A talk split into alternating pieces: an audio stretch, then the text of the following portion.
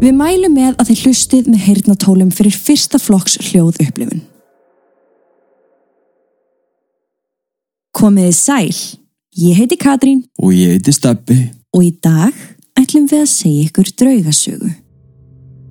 Það er orðið ansið langt síðan við gáum út sögu á opnum hlaðvarpsveitum en okkur langar til þess að byrja á því aftur, aðalega til þess að halda umræðinni gangandi, tala ofinberlega um anda og aðrar yfirnáttúrulegar verur og gefa þeim sem hafa ekki tök á að skrá sig í áskrift smá drauga fix svona endrum og eins. Þessar sögur verða ekki jafn langar og áskriftasögurnar en þar ættu nú samt að gefa ykkur smá hræðslu inn í lífið. Við munum gefa út eina sögu alltaf á sama tíma eða 16. hvers mánaðar sem verður opinn öllum hér á Spotify, Apple Podcast og hinnum hlaðvarpsveitunum. Til þess að missa öruglega ekki af henni þá hvetjum við þig til þess að fylgja okkur á þinni hlaðvarpsveitu og ef þú ert að hlusta í Apple Podcast þætt okkur væntum að þú gefur okkur 5 stjörnir. Þannig ert þú að hjálpa okkur að vera sínilegri því það eru eflust margir sem hafa aldrei hlusta á draugasögur en gætu haft gaman að þeim. Eins viljum við líka minna á áskriftarleðin okkar inn á patreon.com skástrygg draugasögur. Þar koma inn sögur vikulega, meiri segja tvær fyrir þá sem eru draugasögu kynnslóðinni. Svo ef þú hefur áhuga, endilega skráðu þig en þannig styrkir þú hlaðvarpið okkar og gerir okkur kleift að halda áfram okkar vinnu. Við vorum líka að byrja með annað hlaðvarp sem heitir Sannar Íslenskar draugasögur. Það hlaðvarp hefur verið í opinni dagskrám en er nú byrjað í áskrift á Patreon. Þar förum við yfir aðsendar sögur sem hlustendur senda inn. En ef þú hefur aldrei hlusta á það hlaðvarp þá getur þú fundið 24 þætti frítt inn á þinni hlaðvarp sveitu og ef þið langar í fleiri sögur skalti skoða áskriftarleðina inn á patreon.com skástrygg sannar íslenskar. Í dag ætlum við að segja ykkur draugasögu í fyrstu persónu um fjölskyldu sem að kaupi sér andaglasborð en áttar sig fljótlega á því að það voru stór mistök. Þetta er sönn saga og eins og alltaf þá mælum við með að þið hlustið með hirnatólum fyrir fyrsta flokks hljóð upplifun. Svo það er ekki eftir neina býða. Komið ykkur fyrir og hefjum sögu dagsins.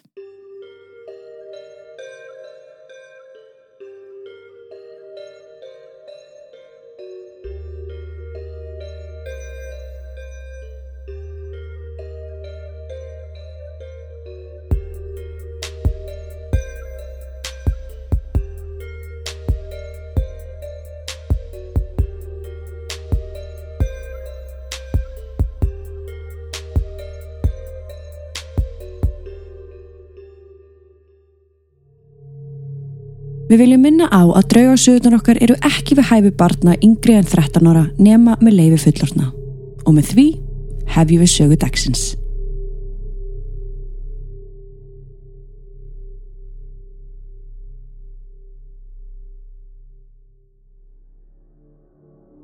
Þessi atvik sem ég er að fara að segja ykkur frá er að gerast þegar ég er 17 ára gömul. Í dag er ég 33 ára. Allt þetta hófst með stóra bróðu mínum Shane og hans þráhyggju gagvart andaglasborðinu sem við áttum einu sinni. Þetta andaglasborð var keift handa mér á sínum tíma af því að ég hafði rosalega áhuga á öllu því yfirnáttúrulega en ég misti samt mjög fljótlega áhugan á þessu borði og notaði það lítið. Mamma mín vildi ekki koma nálagt því en við krakkarnir áttu það til að leika okkur með það. Það var ég og bróður minn Shane, sýstur okkur Misti og svo frænk okkar Kristi sem að leikum okkur með það saman. Settum stöll í ring og hlóum og meðan glasið færðist á milli bókstafa. Ég er nokkuð vissum að við höfum verið þarna að skiptast á að reyfa glasið. Við heldum öll að þetta væri ekki satt, það kæmingin andi í glasið. Ég vildi óska þess að ég hefði haft rétt fyrir mér. Við hittumst til þess að byrja með einu sinni viku til þess að leika okkur með það en fljótlega vorum við byrjað að pæla í öðrum hlutum. Nema Shane, hann virtist heldtekinn af því. Hann langaði til þess að rannsaka það í þaula og hann vildi aðtuga hvort að borðið myndi virka ef að hann væri bara einn að nota það.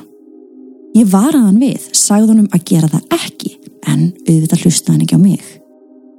Eftir tvö eða þrjú skipti þá sagði Shane mér að borðið virkaði fínt þó að hann væri einn að nota það það hafi komið andi í glasið. Fyrst hafði það fæst hægt en núna færðist það af fullum krafti og að andin í glasinu væri að segja heilu setningarnar. áður við vissum af voru við byrjuð að sjá Shane sjaldnar. Um leið og hann kom heim úr skólanum lokaði hann sig inn í herbergi með andaglasborðinu. Hann hætti að hitta vini sína og stundum kom hann ekki einu sinni niður í kvöldmatt. Það var eins og borðið væri orðið besti vinur hans. Þarna sat hann í marga klukkutíma í senn og talaði við borðið. Við reyndum að tala við hann, sérstaklega mamma sem var orðin á ekki full.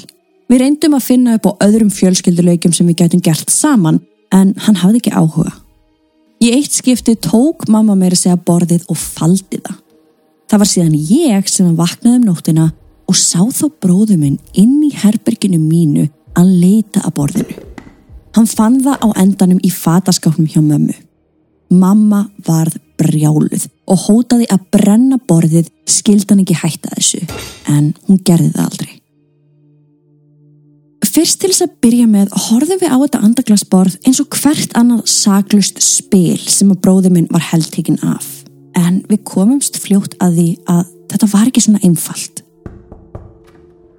Eitt kvöldið kemur hann til mín og segir mér að hann hafi séð konu fram í stofu í hvítum kjól og hann sagðist sjá hana reglulega og alltaf á nóttunni. Þessi kona talaði við hann og sagði honum ímislegt áhugavert. Ég spurði hann auðvitað um hvað þau töluðu en hann vildi ekki segja mér það. Það eina sem hann sagði var að þessi kona var í bæði döpur og reið. En það ógnvanglega við þetta allt saman er hann talaði um hana eins og þetta væri vinkonans. Þángar til í eitt skiptið hún hafi sagt honum að hún ætlaði að með einhvern fljótlega.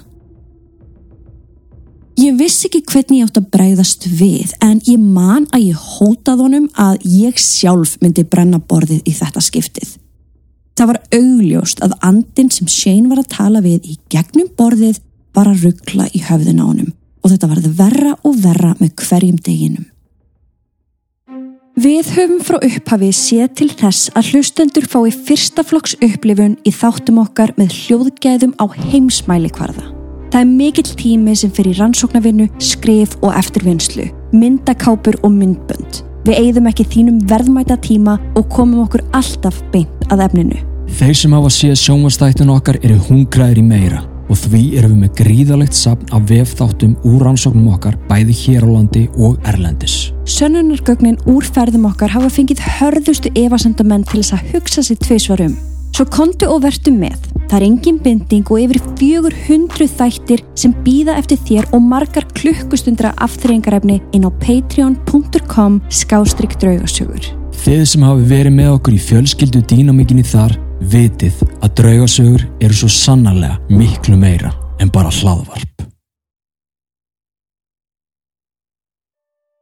Í eitt skiptið kom bróði minn inn í stofu þar sem ég og sýsti mín og mamma sátum og vorum að horfa sjónvarpið.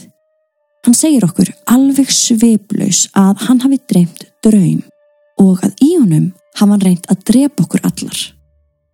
Eftir þetta sváfum við allar með læsta hörð en það var þá sem að böngin byrjuðu. Við byrjuðum að heyra sér böng á svefnherbyrgishörðunum en síðan líka á glukkonum.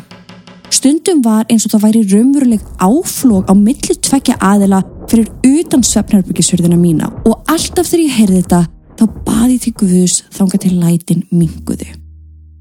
Við vorum öll vissum að andin sem hafði byrjað í glasinu gengi núna laus um húsið og eftir böngin fór hann að byrtast okkur sem svartur hávaksinn skuggi og hann flöytaði.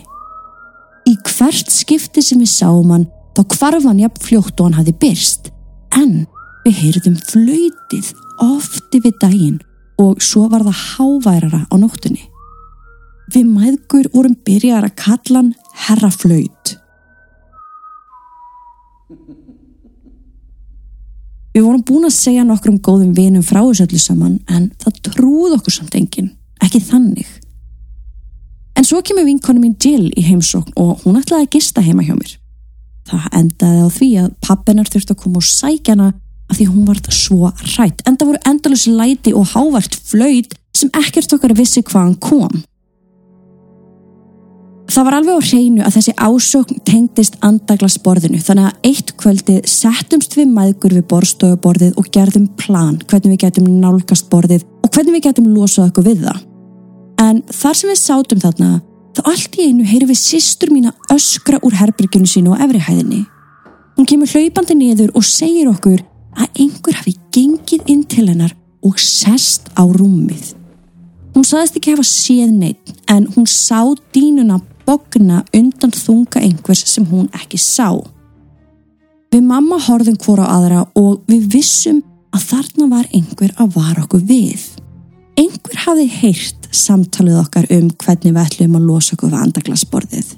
En ég var þarna skelvingu lostin að því nú hafi þessi andi haft áhrif á bæði sýstu mína og bróður. Ég hlaut að vera næst. Það var rétt eftir miðnætti þegar ég vakna snöglega og sé þá bróður minn setja á rúmstoknum mínum og horfa á mig.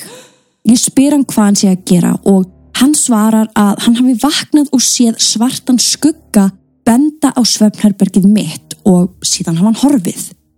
Ég man hversu hrætt ég var á þessu augnabliki. Í fyrsta lagi vissi ég ekki hvað bróður mínum gekk til og í öðru lagi þá vildi ég vita hver þessi skugga vera var og af hverju hún væri að ásækja fjölskyldina mína.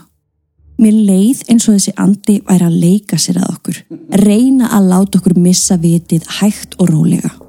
Það voru stanslus fótatök út um allt hús, þetta blýstur sem ekkoði allstaðar og að endanum voru við öll hægt að sofa. Við bara sátum stjörfúrhæðslu, ósofinn og beðum eftir næsta atviki. Og það var einmitt um eina svona nótt þar sem andin talaði við okkur eða talaði við mig. Ég hafði verið að tala við séin og við fórum eitthvað aðeins að rýfast. Þá allt í einu heyrum við öll rött, svo skýra að það var líkast því að einhver stæði við hliðin á okkur og þessi rött sagði láttan vera.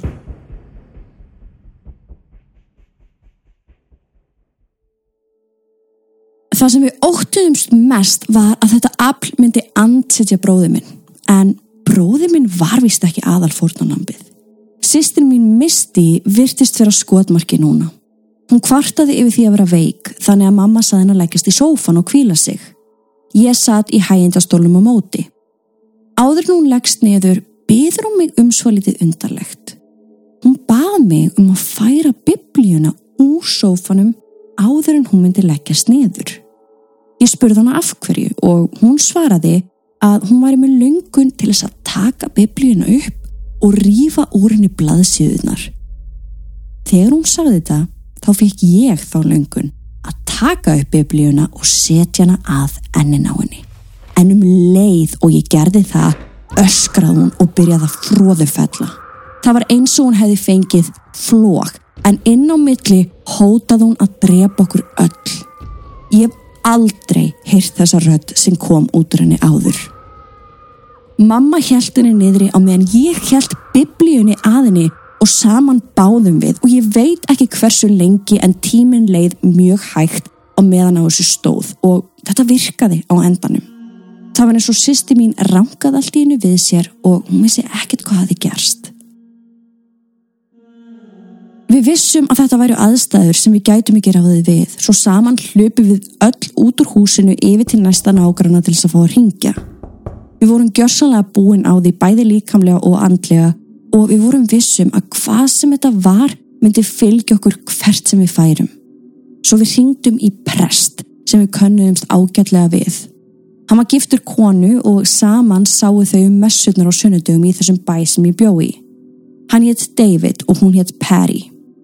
Við vissum að þau trúðu á djöbla af því að þau höfðu talað um það í kirkjunni í eitt skiptið og sagt frá því hvernig þau sjálf höfðu þurft að losa sig við djöfulug öll sem höfðu fyllt þeim. Þau koma til okkar þar sem við stöndum fyrir utan húsið og hrætt til þess að fara inn.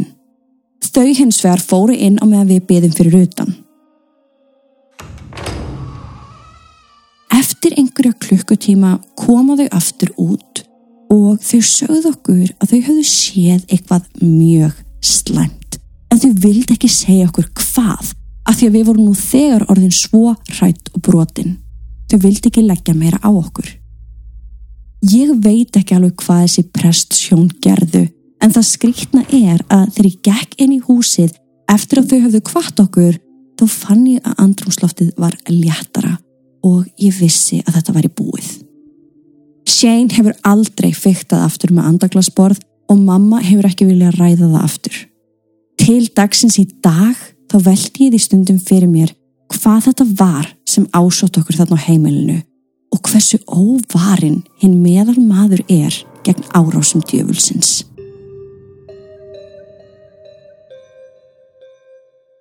Ef þú hafði gaman að drauga sig um mánadarinn skaltu endilega dreifa gleðinni og segja öðrum frá.